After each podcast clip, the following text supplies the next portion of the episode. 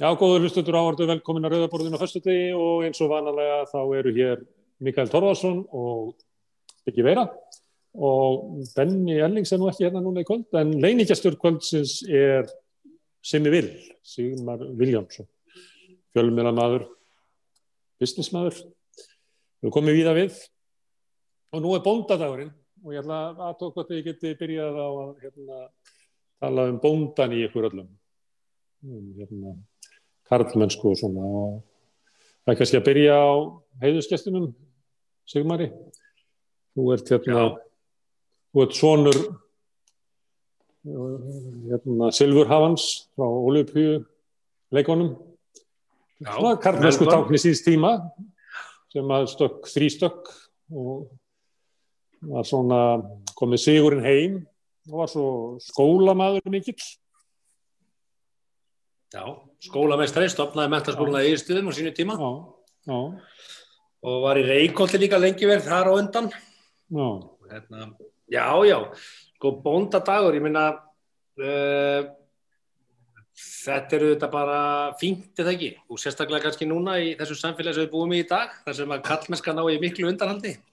Nú, það er dagur sem ég að venda kallmennskuna Já, ég minna sko það, það, það er einhvern veginn, maður er alltaf steimplað sem einhver kallremba að maður veit svona aðeins í að einhverjum svona, veist, einhverjum gildum sem að Er það ekki bara því að þú ert kallremba? Fólk kallar því kallremba? Bröður bröðs? Ég er eflust kallremba í, í einhverju skilningi þessu orð sko.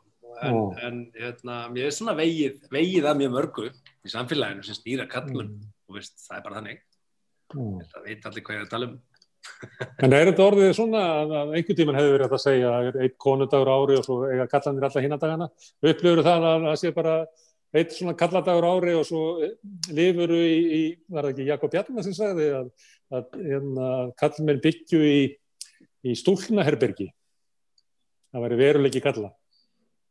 Jú, Jakob Bjarnar skrifaði grein í mannlýf eh, hérna, sem að og, og hugmyndi var, þetta var svona brainstorming hugmynd sem var að að sko þú flyttur út úr svona svolítið svölu úlingahöfbyggi þar sem þú ert með sko plakot eh, og kannski kynslu Jakobs með plakot af Led Zeppelin eða eitthvað og kynslu mín með plakot af Tupac Shakur og Biggie Smalls og, og þetta er svona, þú veist, og sumir eru með Manchester United rúmböld eða Grein Jakobs sem ég er endur þegar hér.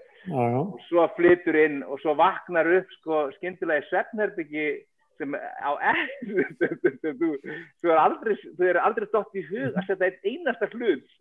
Það var Kenny Jacobs, það er einn sko. Mm. sjálfur býr Jakob einn í dag og, með, og ég veit fyrir vist þegar ég hef komið hindi hans og hann er með bissurskáp í sínu sefnarfiki og það er þess að Power kemist upp með það sem er í sambúð með hérna vitiborinu vanski Þú ferði á veiðar með Jakobi og átt bissur, erst þú með bissurskápin í sefnarfikinu?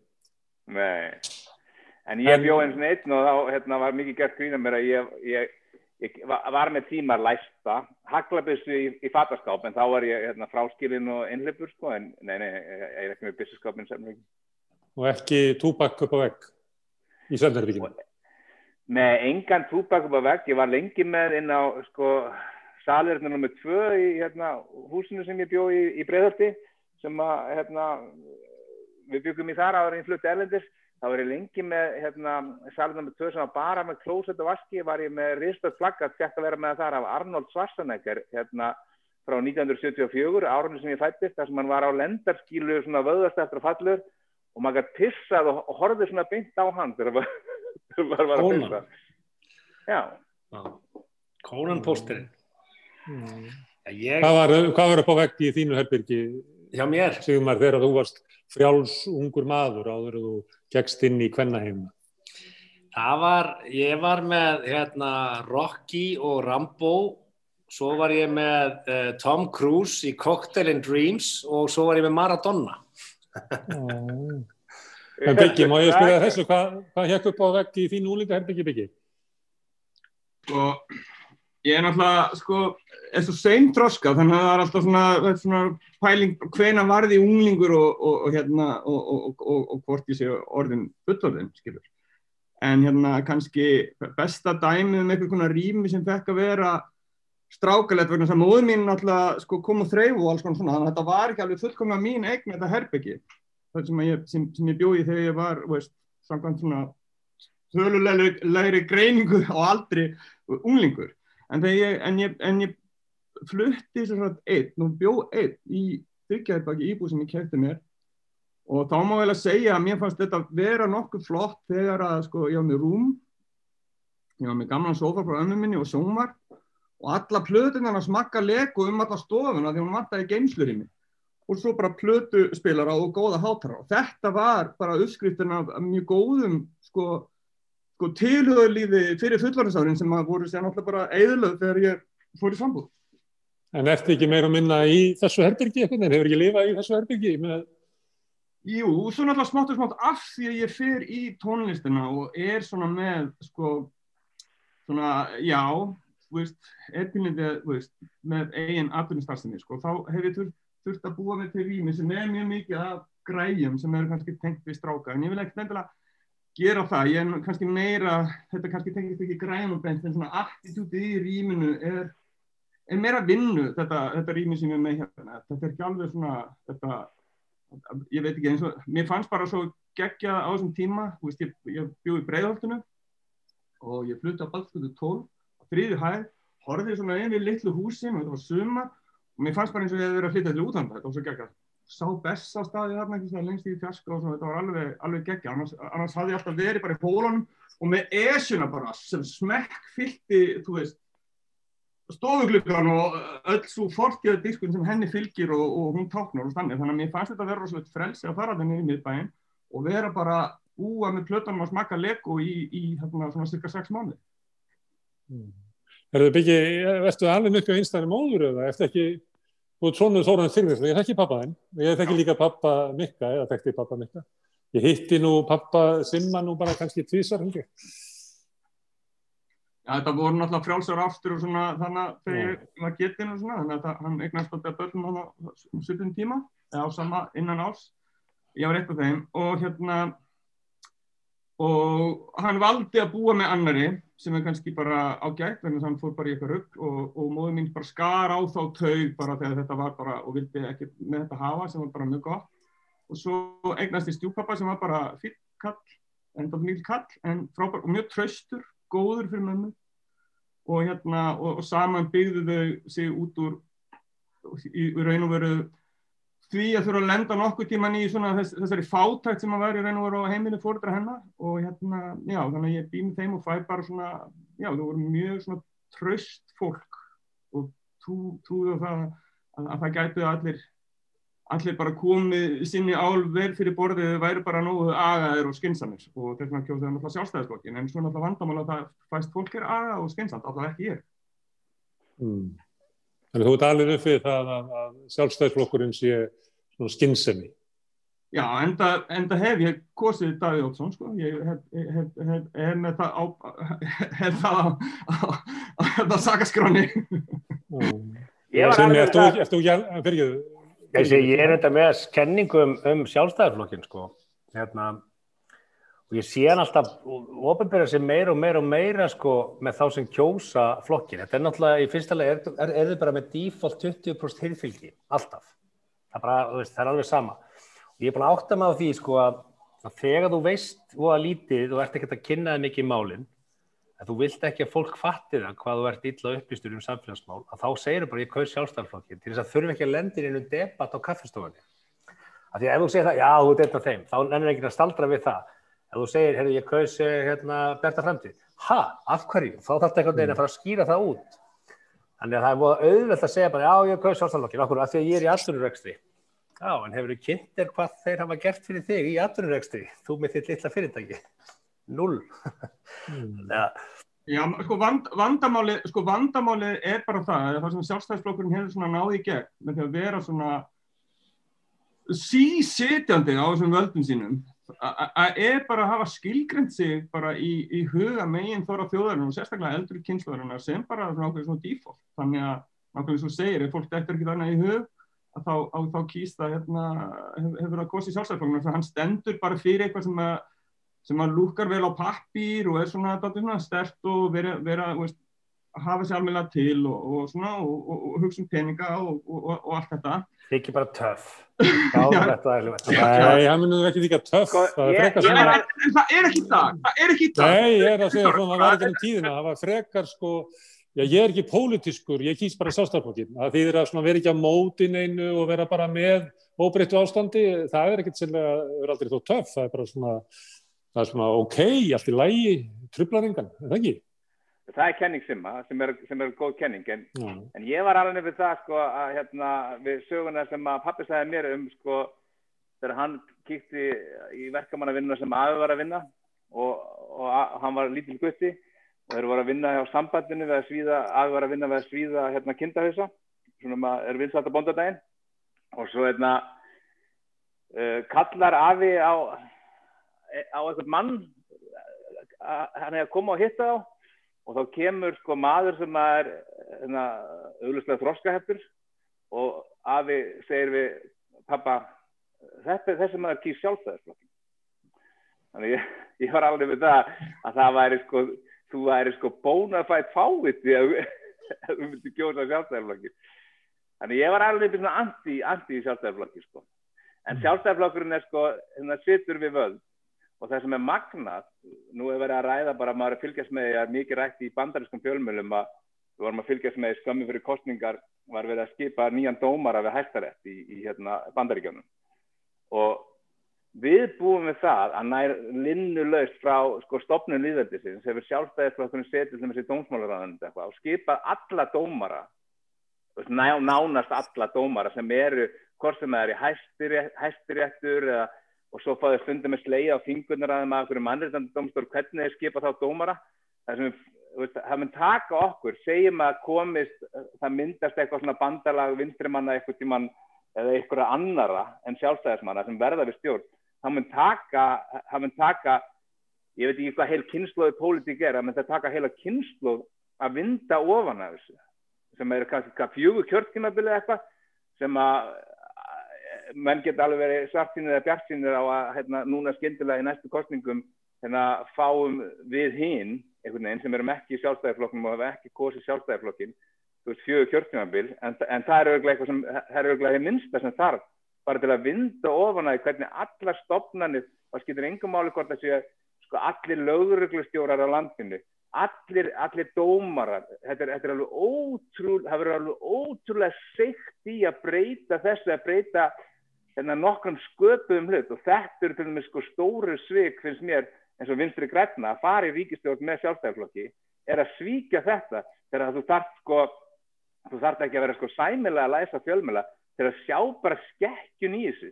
Þetta, þetta skekkir samfélagi svo mikið og þetta er miklu skakkar á Íslandi en á hinnum Norðurlöndunum en í Evrópa almennt. Því að hinn Norðurlöndin hafa fengið miklu meira jafnvægi þar sem að stundum hafa verið einhverju konservativ, einhverju slíki flokkar eða venstri í Danmörku og komist til valda. En það var átt lang tímabil af sko sósjaldemokrati sem að þurft að gera eitthvað bandala á vinstrimængnum með hérna rótæku vinstri fólki.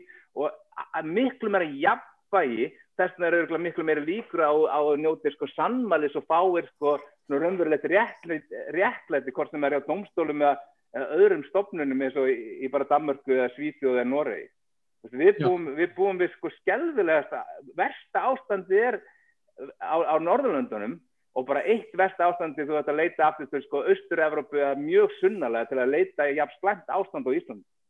Já það er eitt sem, að, eitt sem ég finnst svo áhört við þetta er að mér finnst jafnvel sko fólk sem að sko aðhyllist hugmyndafræði sjálfstæðisflokksins ætti samt að vera, hafa þetta allar áhyggjur af þessari þessari þaulsetu við völdin það, það hefur bara verið sín fram á það að, að sko völd spilla fólki, þetta er bara eins og að, að, að þú veist, far, sko, verð, veist, fara bara í ákveði svona uh, geð rörnum að setja lengi að völdum. Og ég held að þegar það er svona ákveðin svona hópur svona, setur svona rosalega lengi á völdum þá, þá, þá, þá er það bara hluti hluti af því hvernig völd virka, þau spilla fólki þannig að, þannig að það er bara öllum hópum eðlilegt að fá frí og, og skilja það að þessi völd er ekki þeirra þau þurfa að sækja þau í eitthvað svona samkómuleg mm. Það er triks sem að þjóðir hafa notað sem að lendi í þessu það er að stopna annað líðveldið og sem að gefa tækifæri til þess að það er bara komið ný lörgla og þá er þetta endur manna allt heila klappið. Frakkar hafa stundu gert þetta en kannski ekki svona alveg þannig að það hefur bara búið til nýjan hæstarétt og svona. En þetta, er, þetta má sko, er, þjóðin er fullvalda, hún má búa til það svona kerfi sem að hún bara vill. Ég meina, ég held að það, ég held, ef ég bara má skóta mitt bara öllstut á þetta, er, er bara, ég held að það, það þurfa að vera, sko, ef að það, segjum eftir næstu kostningar, þá vonar maður að það verði einhvers konar stjórn sem verði ekki með sjálfstæðarflokkurinn. Mér er eiginlega alveg saman hvað, bara að það er ekki sjálfstæðarflokkurinn, bara please. Og og þá verður að vera þetta viðbúið og nöðsilegt er í raun og vera hræri eitthvað allavega inn í, inn í, inn í starfsmennunum í ráðanetunum bara til svona að hrista upp í þeim. Ég er ekki, hrist upp í þeim varandi það bara hvernig núna sístinni er.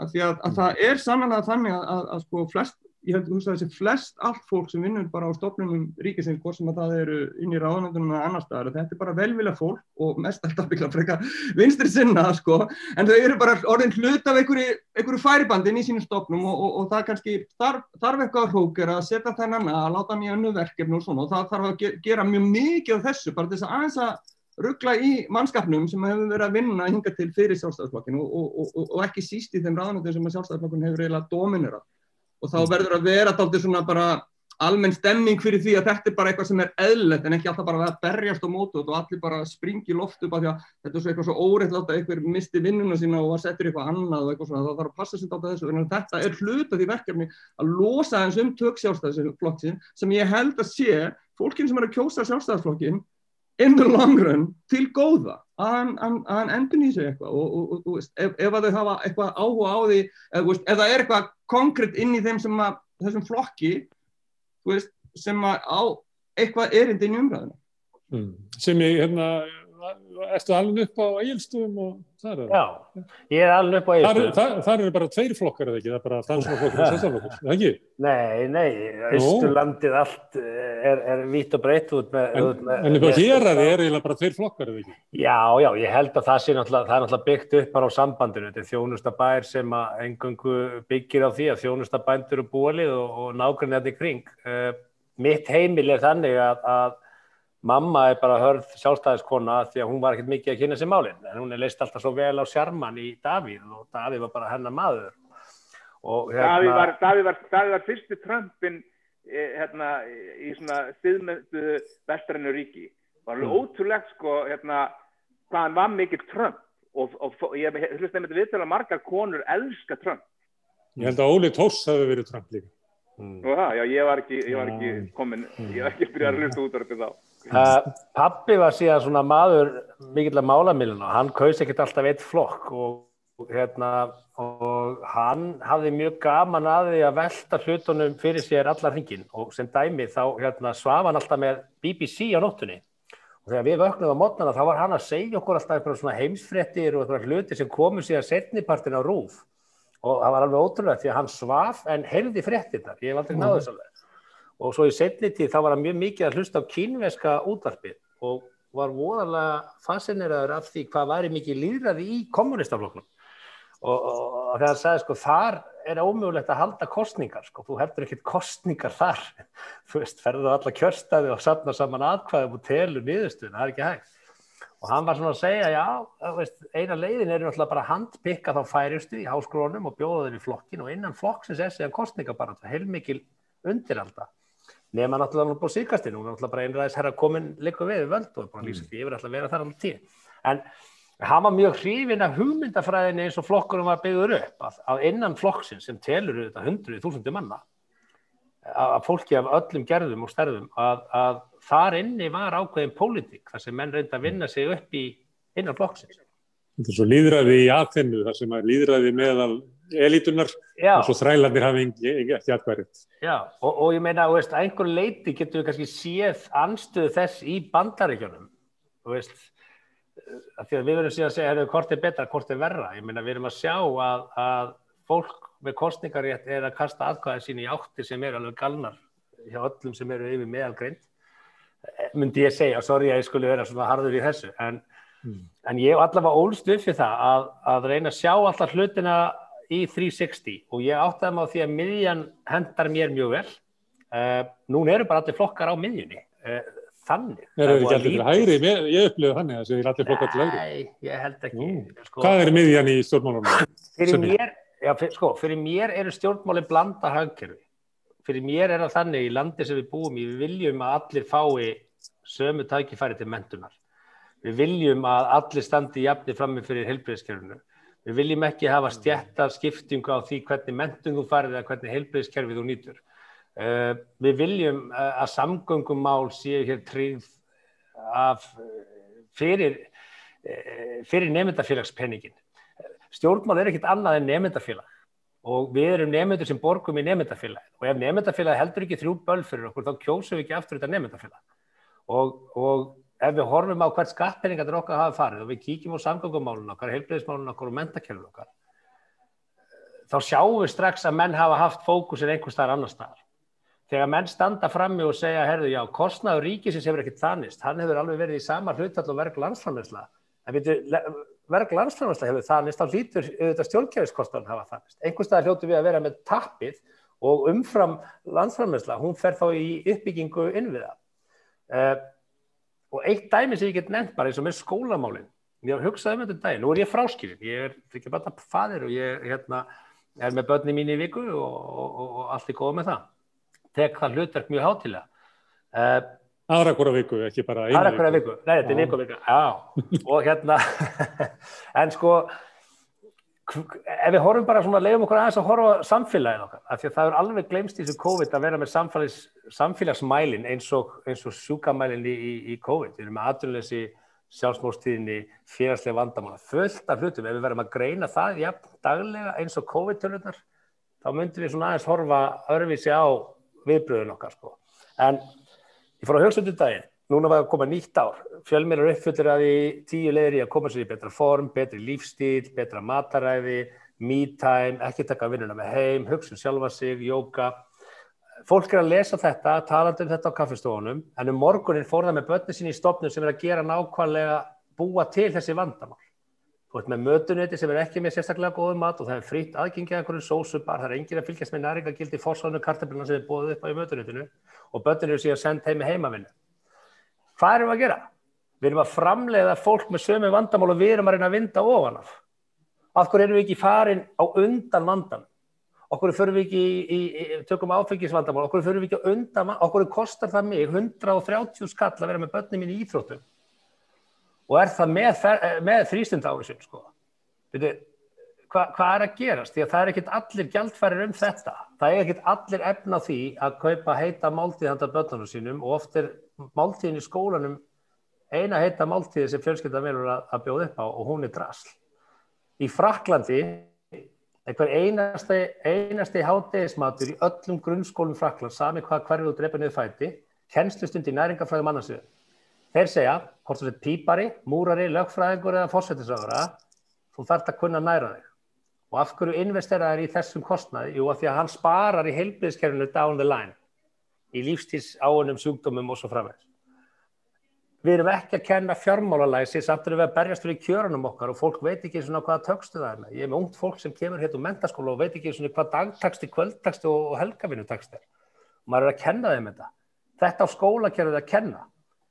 Akkur erum, að, akkur erum við að framleiða einstaklinga sem hafa ekki áhuga á stjórnmál.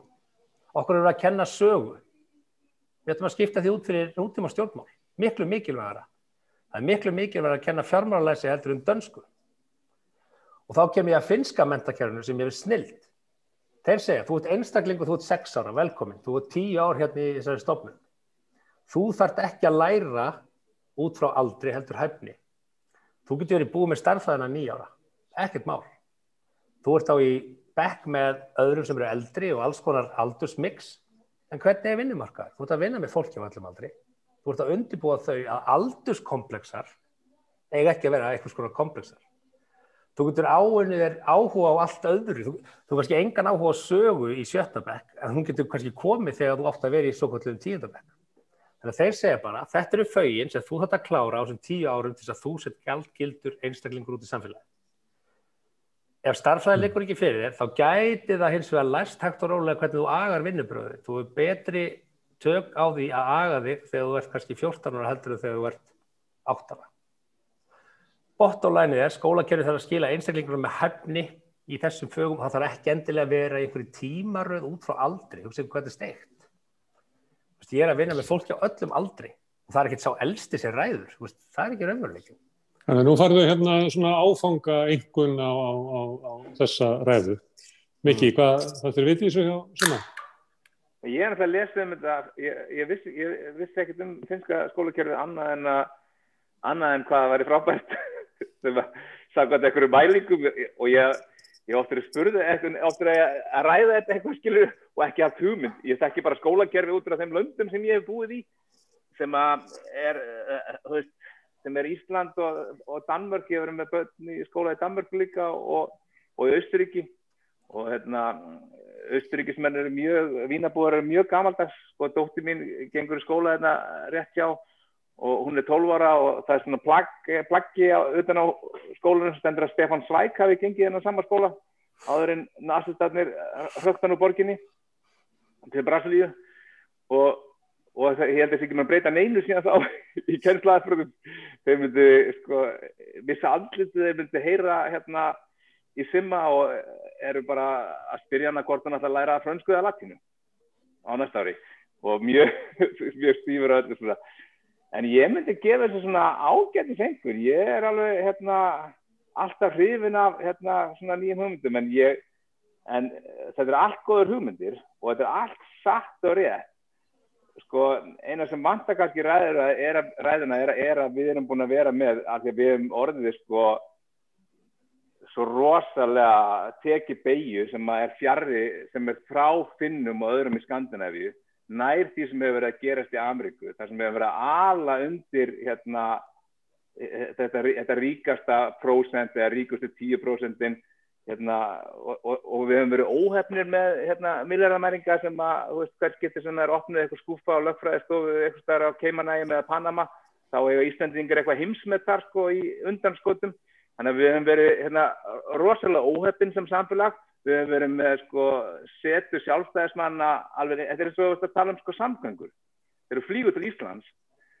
Þeir eru flíguð til hvaða borgar í heiminum held ég það þeirra borgar sem ég hef flóið til þá getur maður að tekið almenningssamgöngur að sjálfsögðu bara inn í bæ. Á Íslandi þarf þetta að taka hérna, strætt og hjá Bjarnabenn og fjölskyldinu hans. Ekki lengur.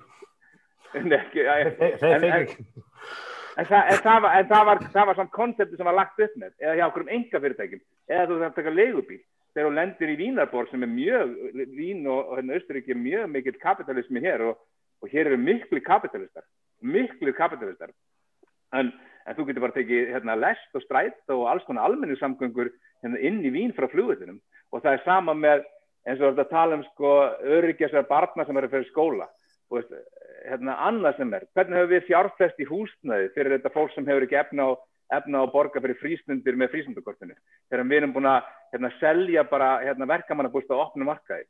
Í, í Vínaborg er 56% af öllu leiguhúsnaði er í eigu hérna, hins ofnbæra, hvort sem það eru sveitafélög, ríki eða samtök eins og ASI eða ebling eða e, e, eitthvað slík sambönd í Vín. 56% ég myndi að hvað er auðvelt fyrir okkur að tryggja öryggi þessar fólks. Er, og þetta er svona í flestum sko, eins og að tala um Frakland svona er þetta í flestum Evrópaborgum það sem er tryggt, það er ákveðin hópur sem, mun, sem er á hvort sem maður er að vinna sko lægslaunustu störfin eða lendir í einhverjum vandræðum eða að berjast til sjúkdóma eða hérna, örörku eitthvað slíkt sem, sem er í vandræðum með alla þessar hluti sem þú nefndir bæði varðandi þú veist hérna, fæðuna sína eða, eða húsnæði. Við, við, við ákvæðum bara og bara stort og börðum okkur að brjóst fyrir COVID að við varum að við varum, við varum með gamma. Menn sem hefur verið hérna, upplýst að vera glæpamenn. Það var, það var, það var fólk, það voru mennir sem við siguðum á okkar fátakast og veikasta fólk. Hérna, þegar pappiðin var, var að hugsa um pólitík og vega og meta og meirins þegar þá var mamma einn að kjósa sjálfstæðisflokkin sem var áður húnum Kaust Davíð sem, sem, var, sem var líka sjálfstæðarflokkur sem tók þátt í þessari uppbyggingu taldi sig einhvern veginn til að semja við vinstrið. Þetta er allt farið. Við gengum, vandnamál Íslandinga er að við gengum lengra og meðan að við skoðum sko hérna, hinn raunverulega, þú veist, þú veist um ástæðina fyrir sjúkdóminum, ástæðina að þú ert að fara fyrir vandan eins og ég hérna var hann að fara í grunnskólan og þú veist í staðin fyrir að vera að mæta vandanum bara sem einhver lífstils áttak í janúar á hverju ári þá er það bara fyrir vandan sem er hver. Það þarf líka að ná í, ná í, ná í þessa peninga. Að peningarnir hérna það er að ná þeim af sko hérna í gegnum sko skattheimtu á hennar ríki. Og það og það, þá að það er hægt að koma sjálfstæðismennu frá Skatt, skattheimta á hennar ríku bliknar í samanbyrju við skattheimtu mittistjættarinnar og hérna, við sjáum alveg hvað er að gerast núna. Í þessu COVID þá ofinbæra sig svolítið kannski að mínum að hvað er að gerast í þessu samfélagi. Uh, við erum núna með Black Friday hjá fjármagsægundum á fyrirtækjamarkaði. Lítir og mittist á fyrirtækja hafa runið í verði því að þau hefur ekki fengið svo mikið sem björgunarring í þessu flóði sem hefur vaðið yfir landi og þetta er svona eitt af málunum sem að ég er veist, hef fengið upp í kokaf í Íslandsku stjórnmálum. Og ég ætla ekki að gera eitthvað eitt segan í því en ekki að fara í þann leik. Eina sem er þetta bara að laga okkur hluti hérna. og það er alveg þannig að 69% af öllum launþegum á Íslandi er að vinna í litlu eða mittistóri fyrirtæki. 69% af öllum launþegum á Íslandi er að vinna í litlu eða mittistóri fyrirtæki. Þessi fyrirtæki eiga sér ekki málsvara hann á að heita SA en reglur SA hveðað áum að atkvæðarétturinn þar fer eftir fjöldastarsmanna per fyrirtæki. Ergo, uh, Marel er með meiri atkvæðarsrétt inn í SA heldur en öll lítil og mittist og fyrirtæki samanlagt. Þetta er galið og, og þetta eru þeir sem fara með launasamninga fyrir hönd lítil og mittistóra fyrirtækja. Galið. Uh, ég ætla ekki að segja að lífskjara samningurinn hafi ekki verið ágættis framtak og auðvitað get ég alveg sagt eitthvað það, ég þekki engan fyrirtækja eiganda sem er í litlum eða millistórum rekstri sem ekki vil að starfsmennunum sínu lífi vel. Þekki hann ekki. E, fyrirtæki hins vegar sem eru að borga kannski þrís og fjórusunum meira í laun heldur en nokkur tíman ebetan þeirra getur orðið, skiljiði, að, að, að segjum bara fyrirtæki veldir miljardi, 420 miljónir eru hérna í launakostnað, 400 miljónir eru í, í, í hráafnis eða aðfangakostnað svo ertu með rekstakostnað og EBITDA er kannski 100 miljónir, segjum það, 10%. Þetta er gott fyrirtæki. Þetta er gott fyrirtæki af því að það er ekstra hæft, af því að það skilur er ekstra afgangi. Þú vilt að fyrirtæki skilur hagnaði til þess að það sé ekstra hæft og eigi þá líka fyrir mögru árum. En þetta fyrirtæki er að borga 42% allir veldunni í beinan hagvöxt. Því að laun fara beint í vinnu, strax um mánuðamóti, hjá launþjóðan uh, af þessari geti skattar sem fara beint í ríkiskassan. En þegar þú ert með stóru fyrirtækin sem eru með láganlaunarkostnað, mikinn hagnað, þá er það peningur sem sapnast einhvers þar í sjóði og hann eiginlega bara deyr.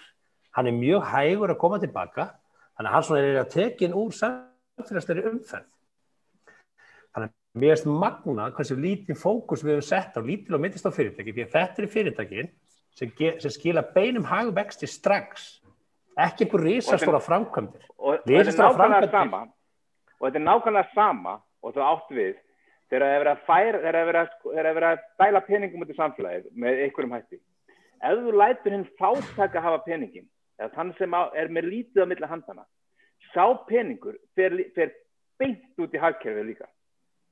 Skilum, ef þú lætur þetta er bara þetta er bara einfalda reiknastæmi þetta er alveg rekkaður ég hef ekki tugsað út í þetta ég er ekki í eh, fyrirtækjarekstri en, en ég get séð þetta sem svona helbriða skinnsemi og ef þú lætið þann sem álítið hafa peningin ef það á að spýta peningum út í samfélagi einhverjum ástæðum eins og COVID eða eitthvað því að þú lætur hinn aðtunlösa eða að þú lætur öryrkjan eða þann sem er hérna, fátakasti verkamæðurinn hérna, fátakasta verkakonuna hafa peningin það er ekki fólk sem byrjar að sapna þeim hann notar hann. Segir bara, hann, hann, hann, hann vantar stígvel á þennan krakka og úlpu og þetta verður allt ja. út, skilur þetta er sagt, í svona ástandi sem við erum í núna ættum við frekar að segja, flott, við ætlum að fara í risastór samgönguverkandi, hérna, leggja marga vegi og allt en við ætlum að bjóða, ekki gera eitt stórt útbóð, við ætlum að gera 20 lítil. Þá marga litla. Af því að þá verður til, skiljið þetta er, þetta er hérna hagfræði sem er ekkert nýja nálinni en er eitthvað sem við þurfum að byggja því að samfélag okkar er 85% lítil og mittist á fyrirtæki. En lítir og myndistór fyrirtæki eiga engin samtök, það er samtök aðtunisins sem er bara samtök hinn að allra ríkustu fjármarsegandana og allra stærstu eigandu, eiganda allra stærstu fyrirtækjana og, og þau tala alltaf eins og sé að tala í, fyrir hönd allra fyrirtækja í landinu og aðtunlífsins en þeir eru það bara ekki. Eins, eins, eins skrítið og það kemur úr mínu munni, það var þetta bara rétt. Og það síndi sér bara núna þegar menn sögðu, hei, getur við sett aðeins pásu hérna á lífskjörnarsamlingi, bara, veist, það er COVID og öll fyrirtæki sem eru með launþegana í þessum launaflokki sem um ræðir í þessum samningum eru lítur og minnst á fyrirtæki. Maril er ekki mennin launþega á þessum launum. Þannig að það að, að meiri hluti stórfyrir, nú er ég ekkert að móti Maril, ég ætla ekki að gera Maril eitthvað vandum, ég nota bara Maril. Nú að kvarta yfir því að SA hafi ekki verið nú hart í því að Nei, SA sagði bara við getum ekki, við getum ekki farið lengra í baratunni gegn því að hann taki gildi í janúar, af því að það að hann sé að taka gildi núna er að verða mjög mikill banabiti á lítil og mittist fyrirtæki sem þegar eru búin að vera að heia lífrúður allt árið 2020 og þetta eru ekki fyrirtæki með ofurhagnaði, þetta eru ekki fyrirtæki, þetta eru fyrirtæki að lýsa á það. Þetta eru þau sem er að borga kannski þrefalt, fjórfalt meira í laun heldur en nokkur tíma hagnaður þegar geta orðið, skiljið. Finnst þér að launafólk eigi að hjálpa litlum og villistóru fyrirtækjum en ekki til dæmis ríkisöður? Nei, ég finnst að launafólk, launafólk þurfi að skilja um leið og þú hækkar launin til þeirra þá hefur það áhrif á vöruverð sem hefur áhrif á rekstafn. Nei, það er eins og ég var að benda á að það er hættaði sem við getum um allan heim að hérna, besta leiðin til þess að örfa hækkir við er að hækka legstum. Já, já, sko, ég tek alveg undir það en, en við verðum líka þá að taka inn í meindin að þú ert með eitthvað sem heitir bara kaupmáttur. Laun skipta í sjálf og sér einhver máli, það snýst og ef að þú ert að hækka laun um tíkall og, og segjum bara að að hækka laun hérna 4% eh, það framkallar ég skal bara gera eitthvað dæmi með minnrækstur ég veit ekki það er ég er á endanum sá sem sel viðskiptavinnum um vöruna, bara kók hundakall. Ég þarf að kaupa þessa vöru á 30 kall þannig ég er með 70 á millin launakostar að minni 40 þannig ég er komin aftur upp í skilji, ég, ég rekna þetta mjög hægt hagnaði míns fyrirtækis, ég, ég er bara sáttur ef ég næði 10%. En það er ekki takkur að taka á launafólkinu, þú ekki taka kallinu sem seljaði kók, manninu sem er leiðir, fjármagsegundum, af því að sá sem seljaði kók, konu sem er að selja þessa kók. Ég er ekki að ráðast. Hún er ekki að peningur í mat út mannu, ég er næðis ekki. Ég er ekki að ráðast á neitt, ég er að segja sko, stundum er betur heimasittið en farið að stað því að sá sem selur með kók, hann, hann hæk, þarf að hækka vörun á mig að því að hann er með starfsfólk sem hækkaði launum. Það verður allir að halda ákvörðin svigrum góður rekstur er hagnaður á rekstri. Það er góður rekstur, allir ég, þú veist, ég, menna, ég kaupi þetta bara ekki. Við erum í kreppu, það eru 10% samdráttur í efnarslífinu og það fyrsta sem við eigum að verja er að, að fyrirtæki eigandunni fá þessin hagnað. Bara come on, ja, slettu bara hagnað í svona þrjú ár og svo verður það bara fínt eftir það. Nei, þannig virkar það ekki. Hagnaður er ekki eitthvað sem þú setur í vasan. Sko. Hagnaður í félagi sem dæmi, ég hef, ég hef aldrei borgað mér út arf rektur þetta bara nulli. hvað er það sem að venjuleg fjölskyldufyrirtæki gerir það sem að fjölskyldan vinnur? Hún bara heldur áfram sínu rekstri og bara, þú veist, dregur saman í neyslu og lifir af þess að það er segla í svona sko. fyrirtækjum. Fyrirtæki sem að stefnaði verður alltaf á hagnað að þau fara á hausin með minnstu kreppu.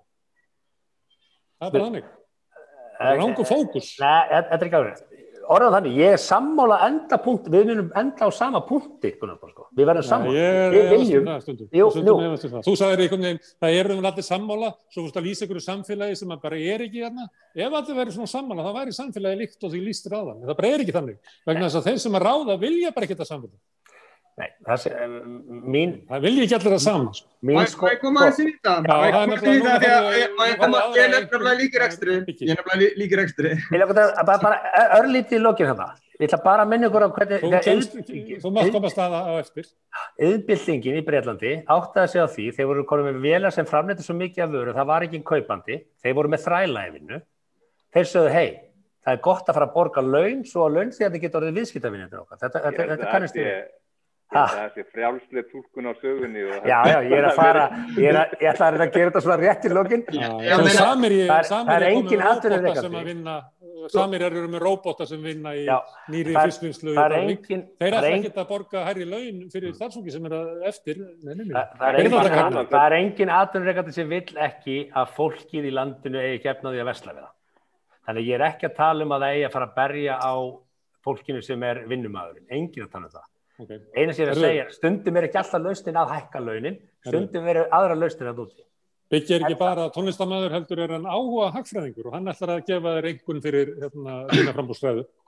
Já, ég kom einhvern á það, sko, já, ok, ég, ég ætla ekki að vera eins vondur við segjum eins og þú, skilur, ég ætla ekki að reykja neitt, en ég get bara sagt þetta, sko, það er alltaf pínu varasamt að sko yfirfæra sko svona rekstrar þekkingu og svona rekstrar insýn og, og, og, og þann svona fyrirtækja, eða veist þann struktúr sem er utanum rekstri fyrirtækja í kapitalísku samfélag. Það er alltaf pínu varasam að svona kannski að heimfara hann eh, eitthvað oflánt. Þetta er náttúrulega bara veruleginn sem þú ert að við nýð út að gera eitthvað þitt fyrirtæki, þú þarf að gera hlutina ákveðinu hættu og þetta er bara eins og þetta funkar. Það er alveg hægt að ímynda sér ímyndilegt kannski annað á þess að ég ætla ekki að fara, ég vil helst ekki fara út í einn eitthvað og, og, og, og tæknið, en svo, en svo er bara rosalega mikilvægt að átta sig á því að ríkið fungerar ekkert eins og fyrirtæki og það er mjög mikilvægt að reyna að skilja það.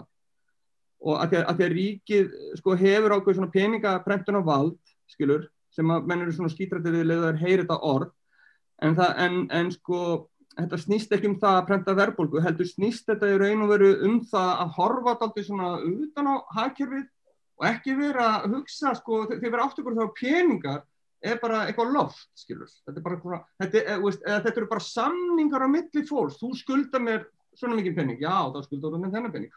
Ríki lætur þið fá þúsungall og ríki segir, já við skuldum þér þúsungall og hvað er það, já þú getur komið og fengið 200-500 kalla eða þú getur farið bara í búð, það er fólk þar sem tekur hann og lætur þið fá fjóra mjölkulitra þannig að það, svona, eru peningarnir bara eitthvað svona lofur á milli fólks í hagkerfunu og þá má eiginlega í staðin fyrir að líta á peningar sem eitthvað svona raunveruleg verðmætti þá, þá þarf eiginlega frekar að skoða alla þessa peningar sem eru í um, umferð sem fólk er að nota þess að vestla fyrir og eru svona rótera, þá er ég ekki að tala um peningar sem verða eru ykkur peningafjárfæð sem hlaðast upp ykkur skuldapýrum peningar sem rótera í hagkerfunu er í raun og veru bara skönduna með þar þú bara færð ákveði svona aðgengi að, að, hérna, að afurðum samfélagsins fyrir þennan skönduna með það og svo getur þú svona pínlítið vali hvað það er og þegar þú far kannski stillir sínin og peningin aðeins þannig að þetta sé ekki raunveruleg verðmætt og raunveruleg verðmættin er það sem fólki býr til með höndunum, hugunum, einhverjar afurði sem við búið til, hvort sem að það eru hlutir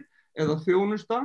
Að, og, og, og, og pælingin frekar að kíkja bara á hvað viljum við að, að fólk sé að gera, hvað eru verðmættin sem fólk á að vera búið til og skipta sín á milli, hvað vantar upp og eins og þú veist að segja, það þarf að sinna eitthvað betur hérna geðmálum í mentakjörfinu og einhvern veginn komið inn á það. Og það er alveg, alveg að hafa rétt veist, við erum núna að, að fara inn í svona, veist það er alltaf að vera meir og meiri sko, framleginni í svona efnislega hlutanum eins og þú veist að segja kunna, það er bara robotar sem getur bara búið allt til þannig að við þurfum kannski ekki að loksins segja kannski bara þannig að við þurfum þá kannski kannski minna þá að, að setja vinnuaflið í það og getur þú meira sett vinnuaflið bara, bara í þjónustustöð Það er líka til robotar sem semja músík það er robotar sem semja músík. Já, ég hef ekki hert neitt gott laga það en þá, er þú hert eitthvað? ég bara, ég meina þú veist, sumir geta sætt að sem við robotar en, en, en, en ég bara segja sem ég ætla bara að enda á þessu þetta kemur aftur á punktunum með þetta sem þér fannst þú þurfa að leggja áslögu á símar í samfélaginu eitthvað menta, dóti og alls konar sem að við erum sannarlega að horfa á og reyna að íta fram og margt annað í þessu samfélagi sem við þurfum að laga og í stopnarnikjörnum allt saman eftir þessa nýfjálfsíkjum en við verðum bara aðeins að stíga út fyrir það að halda peningar sér eitthvað vandamál þetta er bara eitthvað skönduna með það og eitthvað, eitthvað, eitthvað, eitthvað dótis að halda þetta um bókal það skiptir máli bara að, að fólk sé hérna einbyrða sér að því að búa til raunverulegar raunveruleg verðmæti hvort sem að það er í djónustörum eða framlýstörum Þannig að við höfum eitthvað til skiptana og getum eitthvað býttað fyrir þau raunverulegu verðmætti sem við ætlum að fá frá útlöndum og þannig þarf að horfa þetta á hagkerfur og hugsa síðan svo bara hræru við eitthvað í þessu peningadrasli þannig að þetta verði svona. Þetta er, hafið ekki heyrt söguna þarna um, um hóteleigandan. Þetta er svona dæmi, þetta er svona einföld, hérna, einföld dæmi hvernig hlutinni var ef ríki var ekki að blanda sér í málinn það er gæinn sem er sparkað út heima hjá sér og hann kemur á hótel og segir, herru, ég þarf að fá að gista hérna á hótelinu hjá þér í mánu. Hvað kostar það? Hótelstjóri segir, það kostar miljón. Flott, hann ætlar að fá miljón kall í penningum og fyrir på herbyggi. Svo sama dag þá hérna kemur píparinn sem var búin að laga hótelið. Hann segir, herru, ég verð nú að fá, fá hana penning frá þér. skulda með miljón. Já, hörru, ég var bara að fá hérna miljón, gjössur, hérna er miljón og hann rétti píparinn að miljón. Píparinn bara, yes, ég er með miljón, loksins get ég borga gleðikonun sem ég er búin að vera að lúla hjá í halvt ár. Hann fettir hennar og réttir henni miljón og gleðikonan tekur miljónuna, glæsilegt, nú get ég gert þetta í hóteli, ég skulda hótelinu miljóna því að ég er búin að nota herbyggju svo mikið. Og hann fyrir að borga hótelgæjanu miljón og hótelgæjan höfst að vá, það er miljónu sama daginn, þetta er ekkert smá skemmtilegt. Daginn eftir kemur gæjana herbyggjan og segir, konan veit fá mig aftur, get ég fengið miljónun aftur, ekkert mál. Allir áttu skuldlösir sérstætt það verður allir skuldlösir þetta er nú ef þú bætir ríkin inn í þetta þá verður miljónin allt í unna 765.000 krónum og ríki fekk Þetta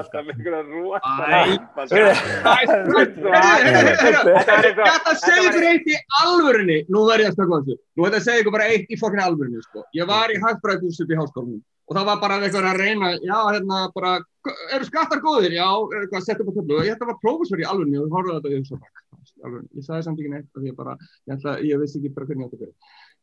Og það var bara að rekna um, já, hvort er betra, hérna, hérna, hérna, hérna, hafa tekjuskatta eða velturskatta og eitthvað, og svo var eitthvað dæmi og svona, já, og svona, já, þetta er bæði bara alveg, bara mjög mónt, það er bara best að hafa enga skatta. Ég bara, ok.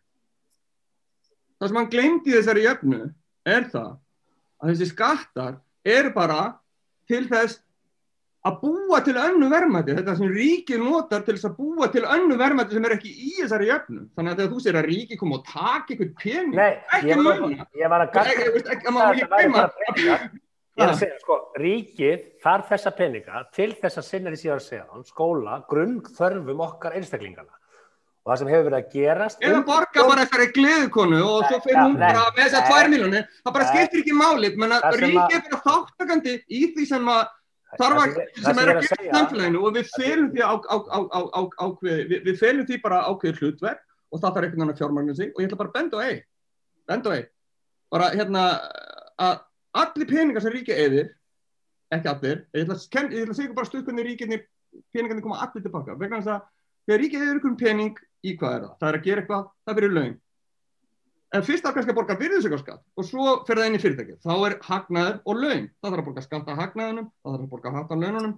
Svo fyrir fólki sem fekk launin, það fyrir að kaupa sér eitthvað. Það borgar virðisaukarskatt og, og svo fer það í laun sem betur tekið skatt. Þannig að þetta er bara svona, þannig að allir peningurinn sem fer inn í þetta hagkerf, eða helst innan hagkerfisins, þá mun hann á endanum bara smátt og smátt koma allir tilbaka, bara spurningur um hvað prósnur eru að háa, hvað veldur það er mikið, hversu hrætt þessi peningur kemur tilbaka. Þannig að það er að segja að allir peningur sem ríkið eður, mm. hann kemur allir tilbaka, nema, nema sá peningur sem að fer úr landi.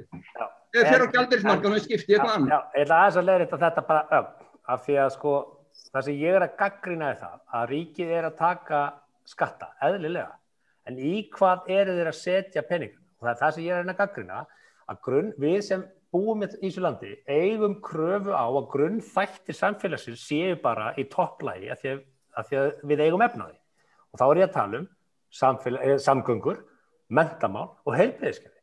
Það er nú deilt um það sko hvað eru, hérna, einn ríku vilja fyrst og fremst lauröglu og dómskerfi til að venda eignarétt sig og vilja laga umhverfi sem að Já, tryggir það að þeir haldi auðsum. Ég endur ég að gaggrina hvernig farið hefur verið með peningar. Já. Ég er að gaggrina hvernig farið hefur með ríkispenninga. Ég er að gaggrina hvernig ríkið hefur haldið á málum. Það er það sem ég er að gera. Já, það, en ok, þú veist, er ekki sjálfstæðisflokkurinn bara stjórnum þessu ríkið meira að minna? Jú, en það er ég ekki að fara að kjósa það flokk, sko. Ég er ekki fullur úr sjálfstæðisflokkur sem við þetta borðum. En er þetta að fara í frambóð? Er þetta að fara í frambóð? Hvað séu? Er þetta að fara í frambóð? Nei. En hérna, en... Það talar eins og pólitíkus svolítið. Já, hugsaði það, samt er ég bara... Hefur hendur alltaf gert það eitthvað neina? Já, ég meina... Þegar þú varst í 70 mínúndum, þá voru hínir eins og okkur gaurar, en þú varst nú alltaf eins og formaði nefndafélagsins sem var á leiðinni í pólitík, sko. Já, en það... Varstu formaði nefndafélagsins? Nei, ég var formaði íðutafélagsins, en hérna, en, en að því sögðu, þá segi ég samt, sko, við verðum öll að verða pólitískari. Við, við þurfum að kenna þetta í skólum. Ég er ekki að djóka. Saman sko, pólitík er allt sem við gerum í lífinu, þetta eru launakjörin, þetta er allt saman. Þú veist, það er fólk að hérna rosalega ánætt með það að fastegna batið á húsinu hefur verið að hækka. Herri, þú, það var bara verið að hækka á því skattan frá sveitafélaginu, sko. Þú getur verið að glaða með það að þið finnst að það var gert góð kaup fyrir tíu árum, en þú ert bara að borga harri skatta. Og ég var ekki að koma með hringin með gleðikonuna og allir voru bara skuldlusir abrakadabra af því að ég vil ekki skatta við þurfum að hafa skatta. Það þarf að, það þarf að fara betur yfir það í hvað þeir eru að fara. Og ég held að Ákveðin eru teknir, það er náttúrulega arfleis ástæðarflokksins er að lækka skatta á hinnum sem að Já, ég er ekkert endilega alltaf saman og, og hækka skatta á millistettinni sem að þú telur að vera að telja tala inn í. Þeir fengu skattahækkun út úr þessu dæmi. Það voru bara einu sem og voru einu allra ríkustu.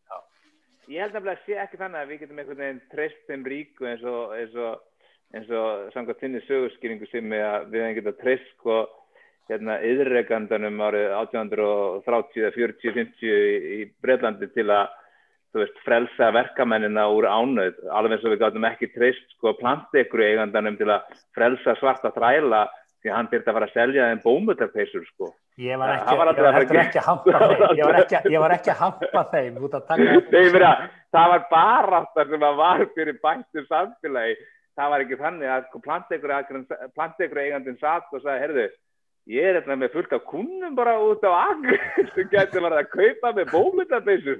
Ég myndi láta að fá peninga, eitthvað peninga. Og henni ríku sem eru með sitt og henni ríku sem eru, hérna, eru með sitt á hreinu, eins og sagt er, og eru í grunninn, eins og í grunninn eru við með alveg óbúrslega óheðarlegan fjármálraðra sem að, hérna, hefur sko verið sko oft verið tekinn með höndina í, í hérna, hérna kökukrukkunni eða hvað það kallast sko og hérna í einhverjum vapningsmálum og þegar hann var að kaupa íbúð í Dubai eða Abu Dhabi eða eitthvað með vinum sínum og það var allir gegn gegnum Panama og svo framvegist þetta er ekki að fara að gerast að sjálfu sér. Við munum ekki, sko, hinn ríki alveg eins og hvort það er plantegur eigandin, hann frelsaði ekki sko, svarta þræla bara hérna, vegna þess að hann taldi það einhvern veginn að hagsmunum sínu væri best borgið með, með svart. Nei, eða, eða, eða, hérna, ég er alveg sammála. Ég er með sammála til þau hérna. Mun ekki gera þetta fyrir en við, fyrir en við tökum þetta af þeim. Það er, verður ekki þannig þú veist, samherji lærði ekkert af einhverju slæmri fjölmunaföllum, ekki neitt, ekki neitt, þeim er drullu sama, hérna, alveg nákvæmlega sama, þeim er sama hvernig er fara með hérna, auðlindur okkar, þeim er sama auðlindur okkar Íslandinga, þeim er sama hvernig er fara með fátaka þjóði Afríku, þeim er bara alveg sama. Og þeir eru bara forhertar ef eitthvað er hvernig er koma, hvernig er koma fram við þjóðina, hvernig er hafa sölsa undir sig hérna stórum hluta af auðlindum sem ætti að vera í sameign okkar og þeim er bara, eins og úlingandi segja, eða hérna íþrættamenni segja, þeim er bara drugg, þeim er bara drugg. Við munum þurfa að sækja þetta allt með, alveg þú segir, you, you can a politic, en það verður harka. Skilur, við getum alveg, sko, samfélagi, við höfum tekið beigju sem er bara svo fáránlega. Skilur, við höfum bara tekið, við höfum bara gengið svo, hérna, allt og langt í bara, og og það mun þurfa og það sem þurfti eins og þegar að hérna, verkamennir sem voru að vinna í innbyltingunni þeir þurftu sko var, þeir þurftu bæði vopnuðust þeir sumir og byltu heilu löndunum og þeir þurftu þeir voru líka sko á þeir picket line í hérna Breitlandi og Bandaríkjanum síðar. Þeir voru skotnir og voru skotbördum og þeir þurftu virkilega hafa fyrir því að snúa hérna einhvern veginn snúa samfélaginu sér í hag. Og þú ert með hugmynd Mikki, Mikki, Mikki, af því að þú heitir nú Mikki hérna, finnst þér uh, sinni vera svona eins og hann sér hérna í dýrin í halsaskói að hann sé að treysta því að Mikki geti orðið góður. Hvernig endu dýrin í halsaskói? Var Mikki góður eða uh, fór hann aftur að borða fór hann aftur að borða kjöp? Hann hjálpaði það mjög til og þetta fór allt vel sko. Fór þetta vel þar? Já, sko ég með sátt Fimm er með góður hugmyndir. Fimm er með góður hugmyndir. Ég er alveg sammála Fimm er með góður hugmyndir. En, það er þetta að hann trúir því að Mikki getur orðið góður. Já, Já sko við, við höfðum alveg Ég, ég held að það sé alveg til einhver staðir í mannkynnsögunni og þetta er, þetta er bara 200 ára kapitalisma það sem næstu náð þú veist, samgjörnu samfélagi þó við höfum ekki bara þú veist, orðið hérna þú veist, kúpa ef, að, það er það sem fólk kræðist hérna, við höfum náð eins og bara 1992 á Íslandi er oft talað um að það var sko hérna, mest jafnbretti í te tekjum sem var bara byggðu bóli eða eitthvað er þá á Íslandi. Og það hafa komið svona móment í, í hérna, í Amriku sem var reynda, sem var bara síðan byrjaði að vinda ofan af með Reykjavík 1980 þar sem voru hérna, einhverju ár þar fyrir. 68 kynsluðin gekk bara inn í bestu háskóla í heimi Berkeley og UCLA og fleiri og fekk bara ókipis mentun og, og hérna það var alltaf það var samt og, og, sama má segja um sko sum Evroparíki, ekki öll. Fraklandi verið átt alveg óbúrslega góð tímabil hérna líka. En Íslandi verið ekki, Íslandi verið átti þetta, hérna, átti þetta yfir smá tíma þegar það var búið að vera sko alveg ótrúlega mikil vinna að það farið að byggja upp sko, verkefliðsveiningin að það farið að byggja upp sko almenn, almenn, almenn samþyggi um að, um að, um að koma verkafólki og pátöku fólki í hús með verkamannabúrstöðum. Það var alveg bara á það og menn voru svo trilltir hérna í den að þegar pappi var úlingur þá var afi á fundum með hérna bólsífikum sem vildi alveg vopnast og voru bara að hugsa um það að því óréttli var, var svo, svo gengdalust sem hann hafði orðið fyrir í æsku og sá verkamennina vinið sína verða fyrir það, en það var barist fyrir þessu með alveg blóði svit og, tá, og tá, tárum. Og, svo, og núna er bara núna höfum við einhvern veginn skilið okkar hérna, veikasta fólki eftir og sleipt eins eins og við gerðum með gamma hleypt bara gamma á, á, á okkar hérna, veikasta fólk hérna leyendur og við hefum bara skilið eftir og síðan höfum við gefið þessum mönnum á nokkura almennilega mótspyrnu sem eru sko kapitalistinir hinn er umveruleg fjármagseigandur það er það sem kapitalistir hérna þýðir það er ekki hérna þú veist byggjar hann að selja músikina sína ég er hann að selja bækur eða leikrið eða handrið eða eitthvað. Við höfum bara gefið þeim bara, þú veist, alveg fullt frelsi til að hegða þessi bara eins og við vilja í, í samfélagin okkar. Og með skemmið okay, ef að samfélagin er gott 92 og svona hér og þar og allt í, vísar alltaf í fórtíðina eftir því sárun í bandaríkjónum ég verði að tala svolítið við ungt fólk núna í vikunni og það sem situr svolítið eftir það er svolítið sérstaklega sko. Mér finnst mikið af fólkinu upplifa að lifi á sko ekki góðum tíma svona í mangisúli þótt að segja á frábærum tíma í sínu lífi. Hortnund og bara eitthvað stafmildið 20 og 30 þá er það eitthvað svona þá er svona grunar fólkinu að það lifi bara háskala tíma kannski tíma það sem að geti bara raunverulega búist í begja vona við getum verið að sykla inn í slæman tíma Nei gæst, það er náttúrulega samt alveg galið því að bara, veist, og ég ætla ekki að hérna, gaggrinn eitt sem þú sagðir hérna mikið, en sko, og ég er ekki eitthvað fulltúin eins kapitalista, ég er bara ég bara var ekki stúdent og ég er búin að reyna að vera bakslæði því að sjá mig sjálfur því að ég fæ ekkert vinnu við hæfi kannski eh, að því að ég er ekki með tilskildi af mentun sko. Þannig að ég, ég frábið mér þess að ég sé stimplar hérna sem einhver kapitalisti þó ég sé aðtunreikandi. Eh, við höfum aldrei lifað á betri tímum stokkar.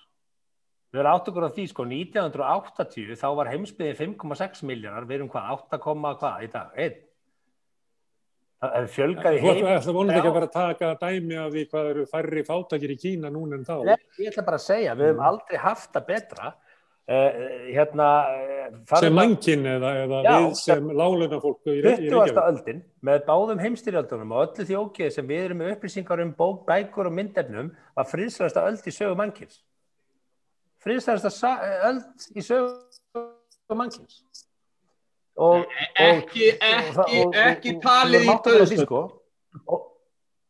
Jú, talið í döðsföllum Takktu bara body count á það Takktu body, takktu slátranarnar í Asju Takktu Gengis Khan, takktu öll þessi tíanbili og vilt fara í söguna 20. öldin er friðsverðasta öld í sögumankins Það er bara, bara staðinn En við þurfum að fara yfir þetta sko. það þarf að koma aftur á þessu ég, ég bleið mig bara stór eftir um þetta þetta var Bar, þetta er bara þetta er svona nýfjálfsökjur litteratúr sem að sýnir einhvern veginn sem minni svona nei, extreme poverty sem er þeir sem er minna 1,20 dólar á dag sem er fyrst og fremst sko breytingar í Kína og Índlandi en það er bara hörnun velferðarkerfisins á Vesturlöndum. Þú ert þessu vænið fyrir eiginkona, þú fyrir alltaf í fátækt. Ég var að tala um stríð sko, ég var ekki að tala um Já, alltaf ég komið sátt til um Við vorum að tala um fátækt, þú fórst að tala um stríð sko. Já, þú fórst að tala um hvað og ég var bara að tala um tilfinningu sem er um fólki Það er uppvíst af ungum uppsíkum. Það er ungu fólki. Það matast á því að vera með dramatík.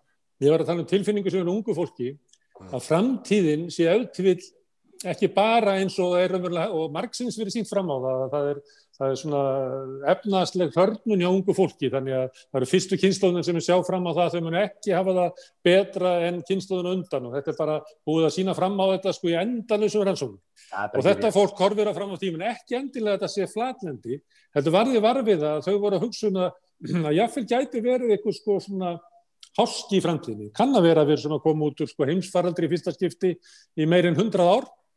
Kann að vera að þetta er fólk sem upplýði ekki bara hrunni 2008, þetta er kreppuna 2020 á sínum ungdomsárið, það var kannski 16 ára 2008 og hvað er þetta þá gammalt núna? Þá ertu hvað 28? Ja, Þannig þetta fólk hefur byttuð, ef við tekjum kannski kynnslóðuna sem er undan okkur, svona babyboomerana, að þá lefðu þau kannski, sko, þau lefðu bara góðari þá til að koma sildarhumið sem var svolítið áfall 1968 síðan er eiginlega engin alvarleg kreppa heldur kreppan í kringu þjóðar hérna, sáttina. E, svona 89 og deburðin á fyrstu davísárunum svo smá högg hann að 2008 og það er ekki fyrir að kemur alvarleg kreppa sem er 2008 sem er alvarlegt áfall fyrir mjög stóran hluta af almenningi.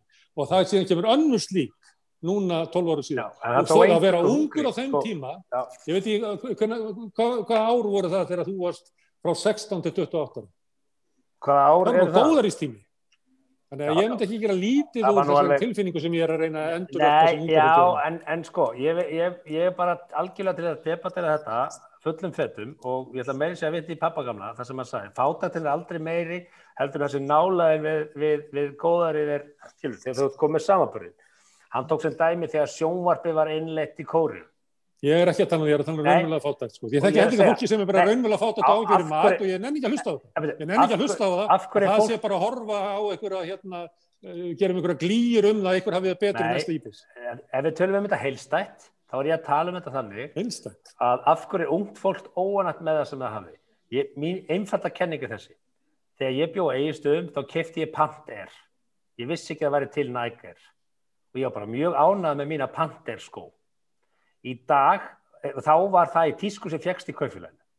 Í dag ert þú bara stödd á Bólungavík og þú veist að þú ætti að vera í Gucci-ból af því að þú ert með internetið og þú ert að horfa á fólk hafandi hluti sem eru hverki, hverki nálagtir í tíman í rúmi. Simi, við erum að tala um sig gott út í því að fólk sem getur ekki á og getur ekki flutt úr fóröldarhúsum vegna þess að kennst enginn á húsnæðismarkað vegna þess að húsalega er svo dýr það er búið að menta sér í háskólanum myndi ekki hérna þínkist og þú segist að hérna, þú sést að þurfur að vera í business vegna þess að það ekki mentaði, þú heldur að mentur sér ykkur líkil, þetta er fólk sem er búið átt að því að þó það sé mentað og kemst ekki á vinnumarkað og fær ekki nema skildalög. Mentun er lélegasta söluvara á Íslandi sem þú getur búið og því miður. Og bara ég, það, ég held líka að sé hérna eins og einn ástæða fyrir strafsinni er að þú horfir á hérna, ef, að, ef að fólk horfir bara á það sem er í gangi í stjórnmálum kannski ekki á Íslandi í augnablikinu fyrir utan við erum með annars konar vandamáli í augnablikinu í Íslandi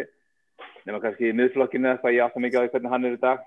En ef þú tekur bara eins og upprýssu síðustu svona 20 ár sem að kemur sko þegar fólk byrjar að vera fyrir vonbröðum með nýfrálsvirkina þá er þetta upprýssa fasisma í hérna Evrópu og Bandaríkjónum mjög mikil og hérna kristallast síðan í kostningum á, á Donald Trump sem að augljóslega var, var fasisti og rasisti og, og hérna og, og það er oft svona, já, líka bara fasisti og það er oft svona eitthvað liti getur hérna, fasismin verið svona, svona white anger og, en á sér oft sko efnaðslega skýringar allavega, ég hlusta á viðtöl bara við það sem var, fólk sem eru óanætt með sko, hérna, kostningarnar og telur að kostningarnum hafi verið stólið sem er svona kvítt reitt fólk sem margt fólk er ég heyrði viðtalu konu sem var með óbúslegum vonbröðu með það að Donald Trump hafi tapað og þá var hann líka að tala um en þegar maður heyrði nánar þar sem hann var að tala um þá voru vonbröðu hennar með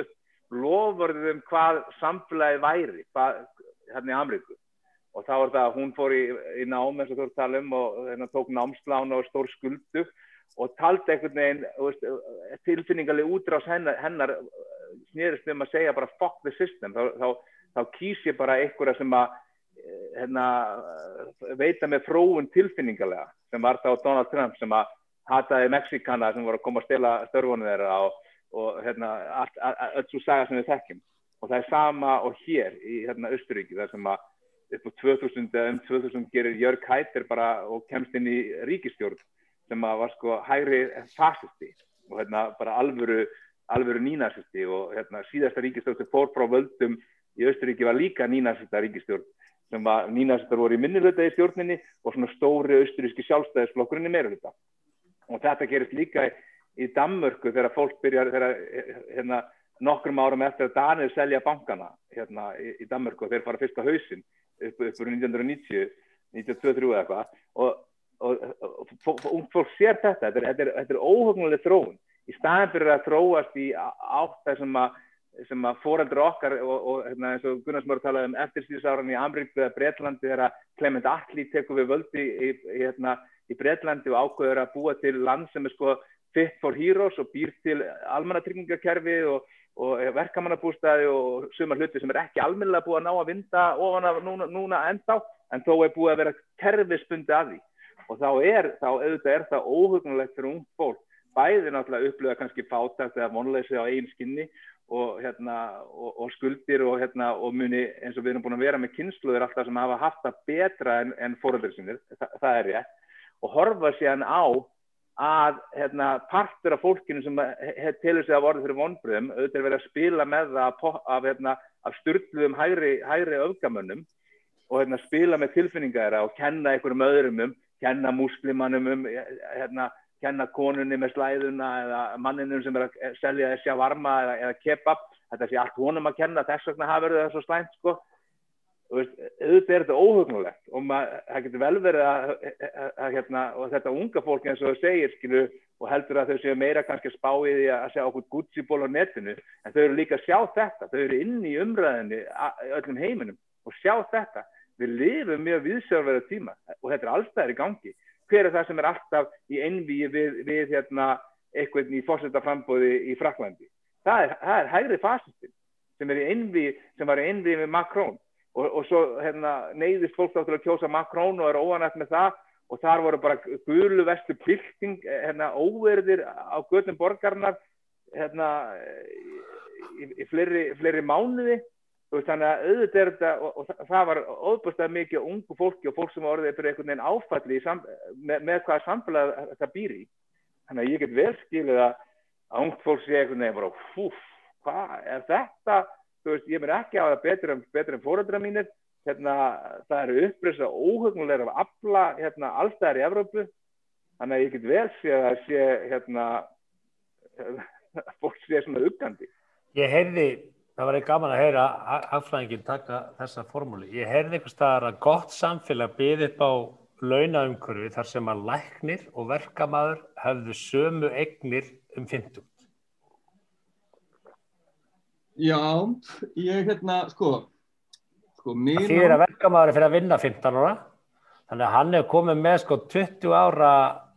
Ég reknaði þetta út, ég er búin að rekna þetta út, ég reknaði þetta út. Ég fór um daginn, bara því ég var eitthvað fóröðunum þetta, tók mér eitthvað Excel-skjál, af því að það er tólið sem maður notar, skilur, og ég fór bara á hendi, náði mér í eitthvað svona, hendi bara eitthvað svona upp eitthvað svona launathróun, eitthvað sem byrjaði strax að vinna, svo tók ég mentamann sem fer sko í, í hérna, í hérna í skóla, hann er ykkur x ár, missir ykkur að vinnu, hann þarf að taka ykkur lán, hann þurfur verðri, þannig að hann borgar 1% af því, svo er ykkur útreyfingareglur í hérna, í hérna, í hérna, sem sagt, hvernig hún borgar þetta lán tilbaka og ég fór bara að rekna hvað þyrti, þú veist, maður í íslensku umhverfi sem er með, sko, hérna, 5 ár í, í háskólanámi. Ég gerði samt ráð fyrir því að, að, að fólk myndi allt klára stúdendina eða einhvers konar eða einhvers konar ferðarnám. Ég er bara að rekna, þú veist, ef þú fer 5 ára háskólagráðu hvað þurftur þá að vera með hærri laun en hinn sem gerða það ekki til þess að eiga sömu tölu þegar þú verið 65 ára? Og, svo, og, og þá gaf ég mér að það væri engin auka kostnaður eitthvað að þú veist þú veist, hún getur fallið eða eitthvað. Þú veist, það er ákveðin áhætt að fara inn á ég bara ítt öllum þeim svona öðrum öðrum svona kostnættir hliður og pældi bara reyndi bara að rekna og fá svona sirka mað hvað ætti, ætti í sá einstaklingum að vera með hærri laun til þess að geta bara verið búin að borga námsláðin sitt og allt bara sama og, og, og hérna þessi sem byrjaði strax að vinna. Og það var sirka 50% herrleg Hvor? Sá, sá sem er komið 5 háskólagráður þannig þarf að vera með 50% herrilegin skilur? Ef, ef ég bara ef ég bara, ef ég bara horfa á launin en já, síðan verður mann, ef, ef ég bara horfa á launatölu það, það var svona cirka 50% ef ég bara horfa á hvað hann hefur til ráðs þannig að, að yfir lífskeiði en svo er hérna en svo er þetta náttúrulega ég, ég gaf mér eitthvað fórsend þannig að þetta er kannski svona starra gráðan síðan náttúrulega læknar eru með eitthvað lengra nám og eitthvað svona Ég er bara ekki við, ég er bara, ég er líka bara samfélagsi, það er eitthvað skekkja, við ætlum að, að við ætlum að láta ykkur læra að vera læknir, eitthvað slíkt, skilu. Það betur, það sem ég...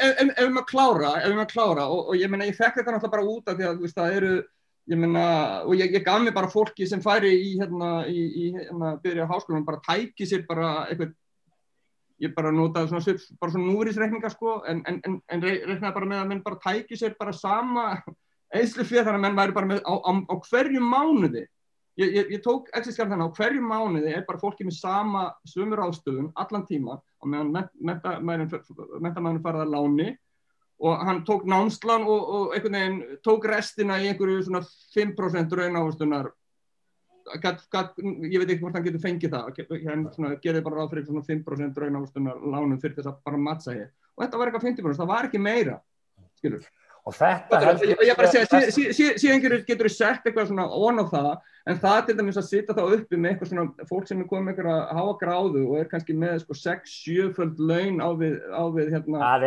á, á, við, á við fólk sem er óment og finnst það enn og það, það er raun og veru alveg, alveg frálega en það, en það, er, það er mjög fámennur hópur. Þetta, þetta er essensin í því sem við erum að ræða stofar Akkurat, en, en, Þið að tala, Gunnar Smári er svolítið mikið bara þarna að tala um lagslaunu sem að allir, ég ætla ekki að tala gegn því. Nei, en, en það sem ég langar að bara... Alltaf verið að bóta þeim og hæstlaunuðu þessu saman á milli eða millistjættin, það er alveg jafn dýrt fyrir svon minn hér að kaupa sér íbúr eins og fyrir fátakasta fólki að kaupa sér íbúr. Fastegna verið breytist ekkert á millistjætta og ef að svonum er velur að fara að menta veginn, þá mun hann ekkert eiga eftir þessar íbúr fyrir ennum færtum. Og, og, og þetta er kannski essensin í þessu að, að við erum alltaf klemt í því að það er alltaf að tala um uh, lagstjættina og eftirstjættina en 85% þegnana, millistjættin, þegjandi millistjættin, hún er látin bera byrjunar í formi skattahækana, bifriða gjaldahækana og svo framvegis. Þetta er fólki sem á bílana, þetta er fólki sem er í þessu ástandi og þetta er þessi þegjandi meilhundi sem er lausnin í báðar áttir. Ég ætla að koma um smá sátt að ég ætla að koma um smá sátt að vegna þess að ég heyri það sko að hérna, það sem mér hefur svona daldið svona er spenntu fyrir er hvernig samtali næst á milli ólíkra skoðan í samfélagi og, og það má að segja að við séum núna hérna stattir akkurat í slíku samtali. Þegar þú og rífa hann og ég er bara að reyna bara að reyna að finna að að, að við eigum eftir að vera í þessu samtali og veist kannski ekki bara akkurat við en svona aðrir við í samfélaginu svona í, í, í, á, á næstunni. Og, og, og það verða allir að átta sér bara pínleiti á í hvers konar veruleika við erum stattir og líka líka, þú veist, aðunurreikundur og allir er það að við erum að fara úr ákveðinu kerfi í nýfrálsvíkjana sem er búin að vera eitur bara að mjög mörgu leiti. Það er hægt að segja, já, það var gett ímislegt, auðvitað, nýfrálsvíkjana er búin að vera í 40 ára og það hefur verið ímislegt, framfærir íms á þessu ári, þannig að auðvitað hefur ímislegt gert gott á þessum tíma, annað væri nú frekar sér, sérkynni. En það er bara komin ákveðin staða og þessi, þessi hugmyndafræði er komin í algjört fróð, þannig að það er bara mjög alvarleg vandamál. Mörgum finnst vera mjög alvarleg vandamál öðrum finnst það kannski ekki. En það er auglustlega þannig að við erum að færa okkur í eitthvað átta sem að meirlutin vil samt fara að taka á þessu vandamálum en er ítla hlusta á að pólitíkinu hún er enda svo einhvern veginn stýrð af hagsmunum hinna sem að vilja síðubreitingar og skiljanlega. Og ég hef bara sagt að auðvitað skilum þar þá sem er í einhvers konar rekstri og eru í þessu umhverju að reyna að láta, láta þetta gangu upp. Að ég veit alveg hvernig það er í rekstri. Það er allt, allt annað heldur en að fara bara að mæti vinnun og fá launumstað. Það er alltaf öðruvísi fyrirbreyði.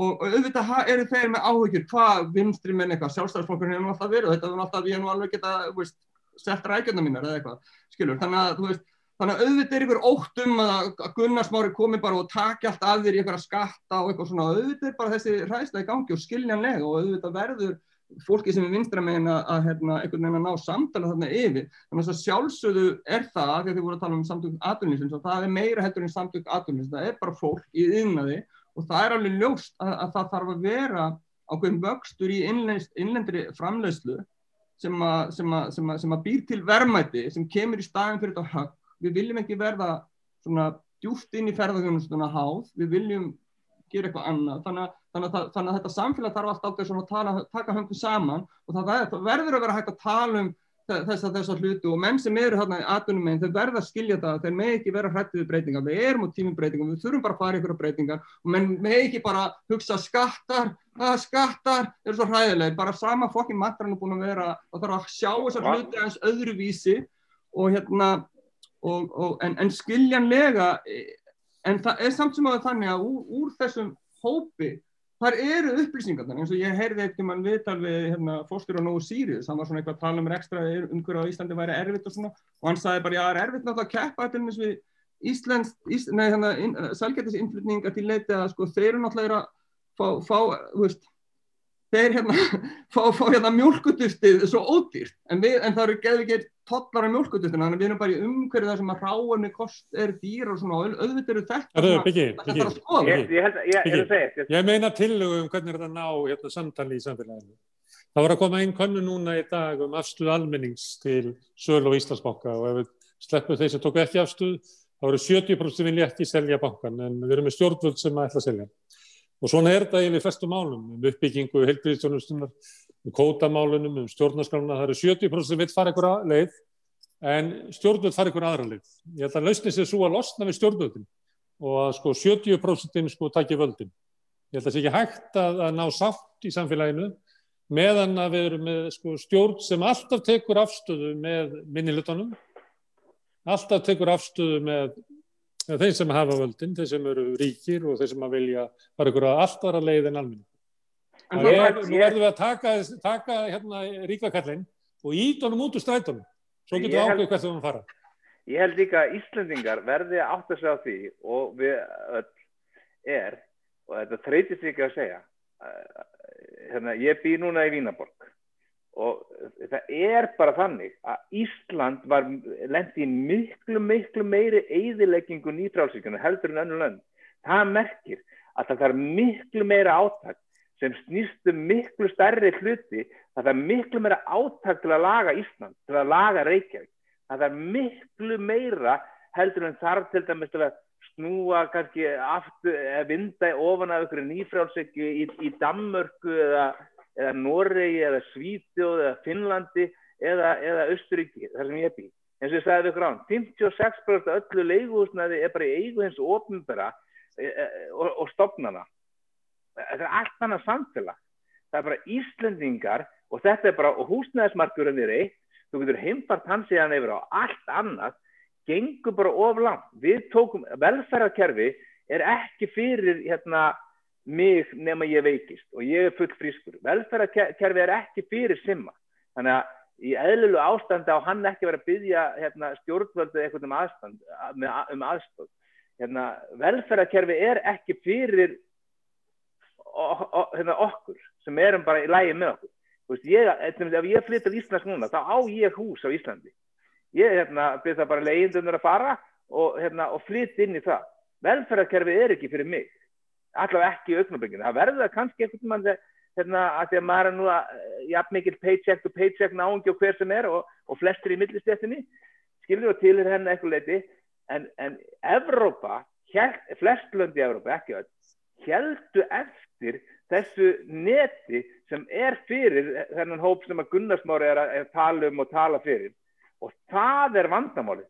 Vandamálið er ekki að simmi fá ekki nóg meikla hjálp eða byggi eða mikki eða veist, við erum bara ekki í neinum vandræðin en það er hópur öfna sem er bara í verulegu vandræðin vegna þess að var, við fórum, við gengum bara miklu lengra í nýfrálsvíkinu heldur en þau lönd sem við teljum okkur einhvern veginn tilera og, og við getum einhvern veginn bara hér er með þessu að finna við erum bara mjög langt í land. Við, við, við, mónandi getum við gert það eftir fjögur kjörtnjöðanbölu eða eitthvað hversu lengi það þurfa bara einhver önnu stjórnvöld að vera vegna þess að við eigðilögðum og við vendum, er, er bara eðlild margt sangat, er svona þriðjungur samfélag er er, er tilerir lægri tekihópum, tilerir hérna, fólki sem að mun ef það er, ef það er, ef það er bara síða gamma á það, þá er þetta fólk sem að krakkarnir munu e, e, fara í marga grunnskóla. Það er ekki, ekki fá, já maður þess að stjóta þeim sko, það er uh, mælingum hagstofunar er nærið 40% heimila sem ég erfileikum með að nála endan á saman.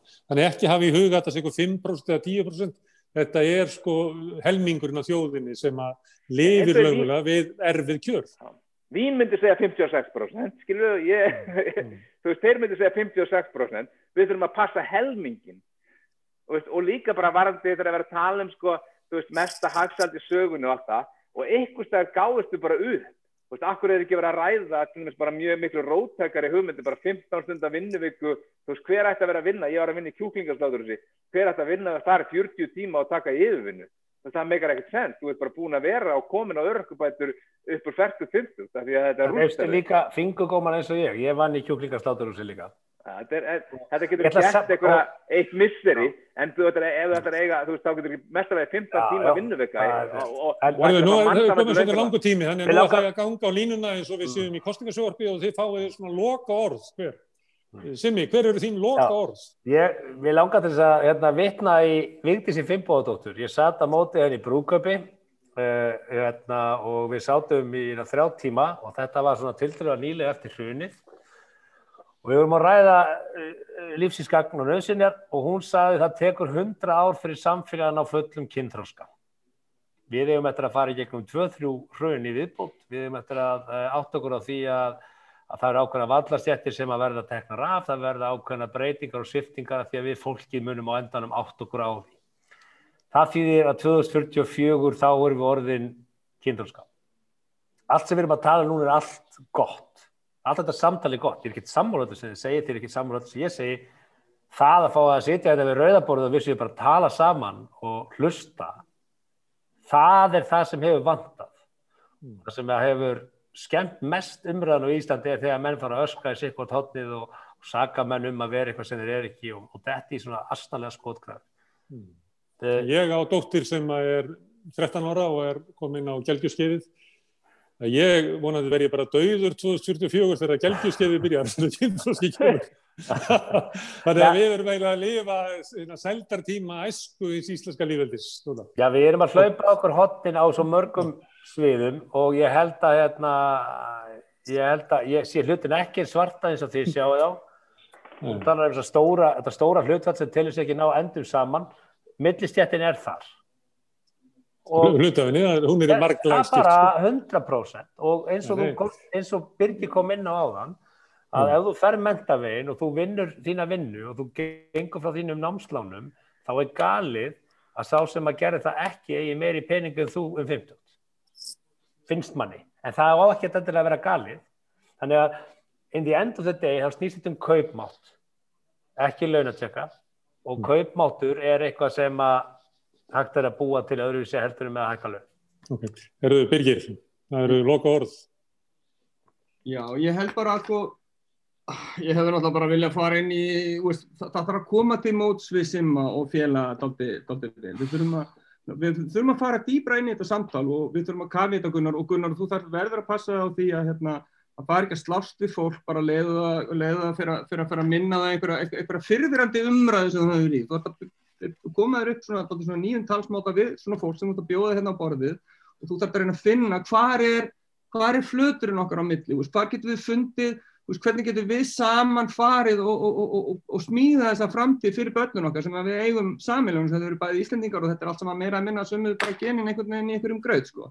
Þannig að ég held að það sé bara rosalega mikilvægt að hafa trú á því að við getum fundið út þessu saman og við séum að yfirgefa nýfrálsvíkina og, og fólki sem er, eins og sem við varum að tala um þessi, þessi, sko, þessi, þessi sjálfstæði atvinnureikundur og bara fólk sem hefur bara vil gera hlutina þáttið sjálf en, en er ekki að hugsa um að fá sér eitthvað svona eitthvað framtíð í að þjónusta aðra í gennum heilbreyðsvíkjærfi fólk er bara mismunandi hvað það vil gera og, og það þarf bara að hafa trú á því að við getum náðu þessu samtali út byrjaðar á þvíkunar, allt því bara áfram og, og, og við þurfum bara að losna við það hugafar að breytingar séu slæmar þannig að akkurat núna eru breytingar þar sem við þurfum og það er bara eins gott að, að klára þetta samtal og byrja verkið.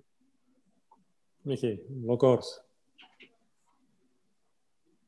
Já, ég mjög að vera með svo góð loka á ráðan en ég, ég veit ekki með umræðum, umræðan er alltaf erfið sko en, en hérna ég, ég held að er að hljóma þess að byrja platta en málega það bara að það er sko ég er mjög hérna finnst sko hugmyndir hérna simma mjög góðar um, um bætt mentakerfi og, og næringu í skólum og svo framvegið sko. En, en ég hérna ég held að að varðandi velferðarmál á Íslandi sko þá er þetta bara við erum bara að ganga of langt skilju maður væri kannski væri eða væri ef við værum einhvern veginn réttlætara samfélag sko, hérna á Íslandi, þá væri maður ekki eins fórhættur sko, því að mann er blörskar alveg bæði að eiga svona sögu sjálfur þar sem að fóröldra mínir komi mér hérna ungum, hérna nýfættum langveikum inn í verkamannabústæði og það var sko hérna hljómar er svo miklu harðara samfélag, miklu meira brútal.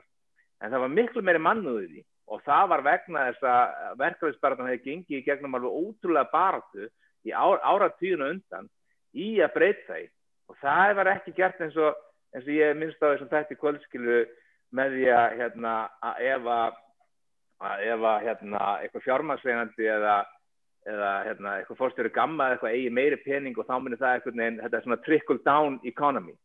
Það var gert með því að ef þú elur undir þann bæðið sínur mannuð með því að koma fólki viðunundu húsnaði og, og verja það verja það frá sko, sveiflum en í dag er það þannig að sko, mestu sósialismin sem við rekum á kostum á Íslandi og, og í Amriku það er fyrir hinn, hinn ríkasta. Við munum, við munum, hérna, við munum verja sko, stórfyrirtækin með ráðum og dáðum. En við höfum séðan í rosalega vandraði með að verja bara eitthvað fjölskyldu. Þetta er bara saman eins og það er að vera að vísa fólk út úr, úr leiguhúsnaði hérna, hjá þessum fyrirtækin þú veist, hérna núna er að rýsa upp sko mótmálalda í New York sem er verið að stöðva svona hérna útbörð. Þetta þykir bara sjálfsagt mál á Íslandi, því Ísland fór þetta svolítið í nýtspálskinu og hugsa bara með sér, herðið, þarna er bara einhverju auðmingi sem borgaði ekki leiguna sína og það er einhvern veginn bara viðþorfið eh, og gerir sér grein fyrir þarna er bara börn og hérna, fjölskylda sem er bara farin að verðgang hvað, af því því að þau voru ekki nú klárið þetta, þetta meikar ekkert sens fyrir mér. Þetta tarf ekki að vera svona við gengum bara of langt og það verður ástæðan fyrir að umræðan verður að einhverju leiti, umræðan um umræðuna hún verður miklu sársöka fyrir á Íslandi. Og það munur að hlaupa miklu meiri hift í hana. Og það verður bara að hafa það. Ef, ef, ef, þessi þáttur væri hérna, við rauðabörði í Noregi þá voru mörg vandamálin í Noregi. En þau væri bara ekki jafn sársöka fyrir og á Íslandi fyrir stóran, stóran hóp. Vegna þess að það er ekki búið að taka sko stærstu bitana, svona burðarstólpana í velferðarkerfinu og bara kasta þeim út í haf til að einhvern veginn auka ebituna hjá gamma eða, eða heimavöldum sem eru eigu kótaðjönda. Það bara er ekki búið aðeins. Og mörg vandamál og fólk er alveg vinstri sinna í Noregi og er alveg reitt og fer í kröfugöngar og, og vil bættara samfélag. En við erum bara, þú veist, við getum ekkert borðið okkur sama eða það. Það er bara eins og einhver blöytu draumur fyrir Íslandinga og, og það skilur yngumáli hver maður er sér þetta hver sem er ha, wow, gerðum við þetta tókum við bara hérna, góðarisarinn okkar og, og hérna, hentum sko hérna, hérna hættum, hættum, hættum ákveðinu innviðað uppbyggingu sem held áfram á hinn Norðurlandunum hentum verko við bara, sögum bara fuck it, free for all.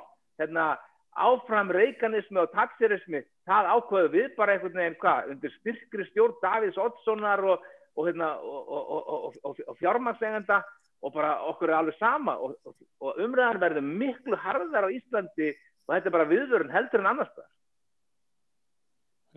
Þetta voru lokorðin ég ætlaði að tala um Vigdi sagði 100 ár sko, þannig að ég held að þetta sé Noregur er, er lengorinn 100 ára sko. Við munum komast þarna, ég hef engar ágjörð. Það var 100 ára 2006, held ég. Já, en ég, ég held að við komumst ángað. Og... Ég held að, sko, stjórn, normenn settur sér stjórnaskrá, sko, eru við verðum ekki 200 ára? Hún er langt undan okkur, sko. Já, þeir eru partur af svenska konungvöldum. Þeir eiga sko borgarlega byltingu og þeir eiga líka svona alþjóðu byltingar. Við erum langt á eftir. Þeir eiga mér þessi alþjóðu byltingar inn í kirkjunni og það er, það verið of lítið af byltingum í Íslandi, svona ströngkvörf í sögunni. Þetta verið meira svona verið alltaf verið að leysa þetta eins og fjölskyldubóst. En ég ætlaði að sko... Ég ætla bara að slúpa eitt bara eitt af því að... Þið takkir ekki náttúrulega full, þá er þeir bara að segja við því sem mig og Mikki og okkur öll sem, er að hlusta að sko, að, sko það, það er gott að gráta þannig að við skulum bara taka þennan sársöka, gráta undan honum og finna bara hvernig, sko, hvernig, hvernig, hvernig við vöknum innan í okkur sem manneskjur þegar við finnum bara tárin leikandi í kinnana hjá hverju öðrum og við finnum bara hjartaði okkur vaksa hverju öðrum, förum bara dálið Það er þetta að betri lókváls. Ég ætlaði nefnilega að fá þá til þess að ræða hérna feður sína og svona um karlmennsku og svona en þeir fóru bara strax að tala um pólitík en, en byggir þetta þessu þannig í lókin með því að, að hvet ykkur öll til þess að gráta yfir auðmingja í Íslandi. Og við segjum það gott í kvöld og við segjum bara góða helgi, Mikki, Simmi og, og Byggi, kæra þakkir og þeir sem stöldru þetta hérna við hjá okkur. Er góða helgi. Góða helgi.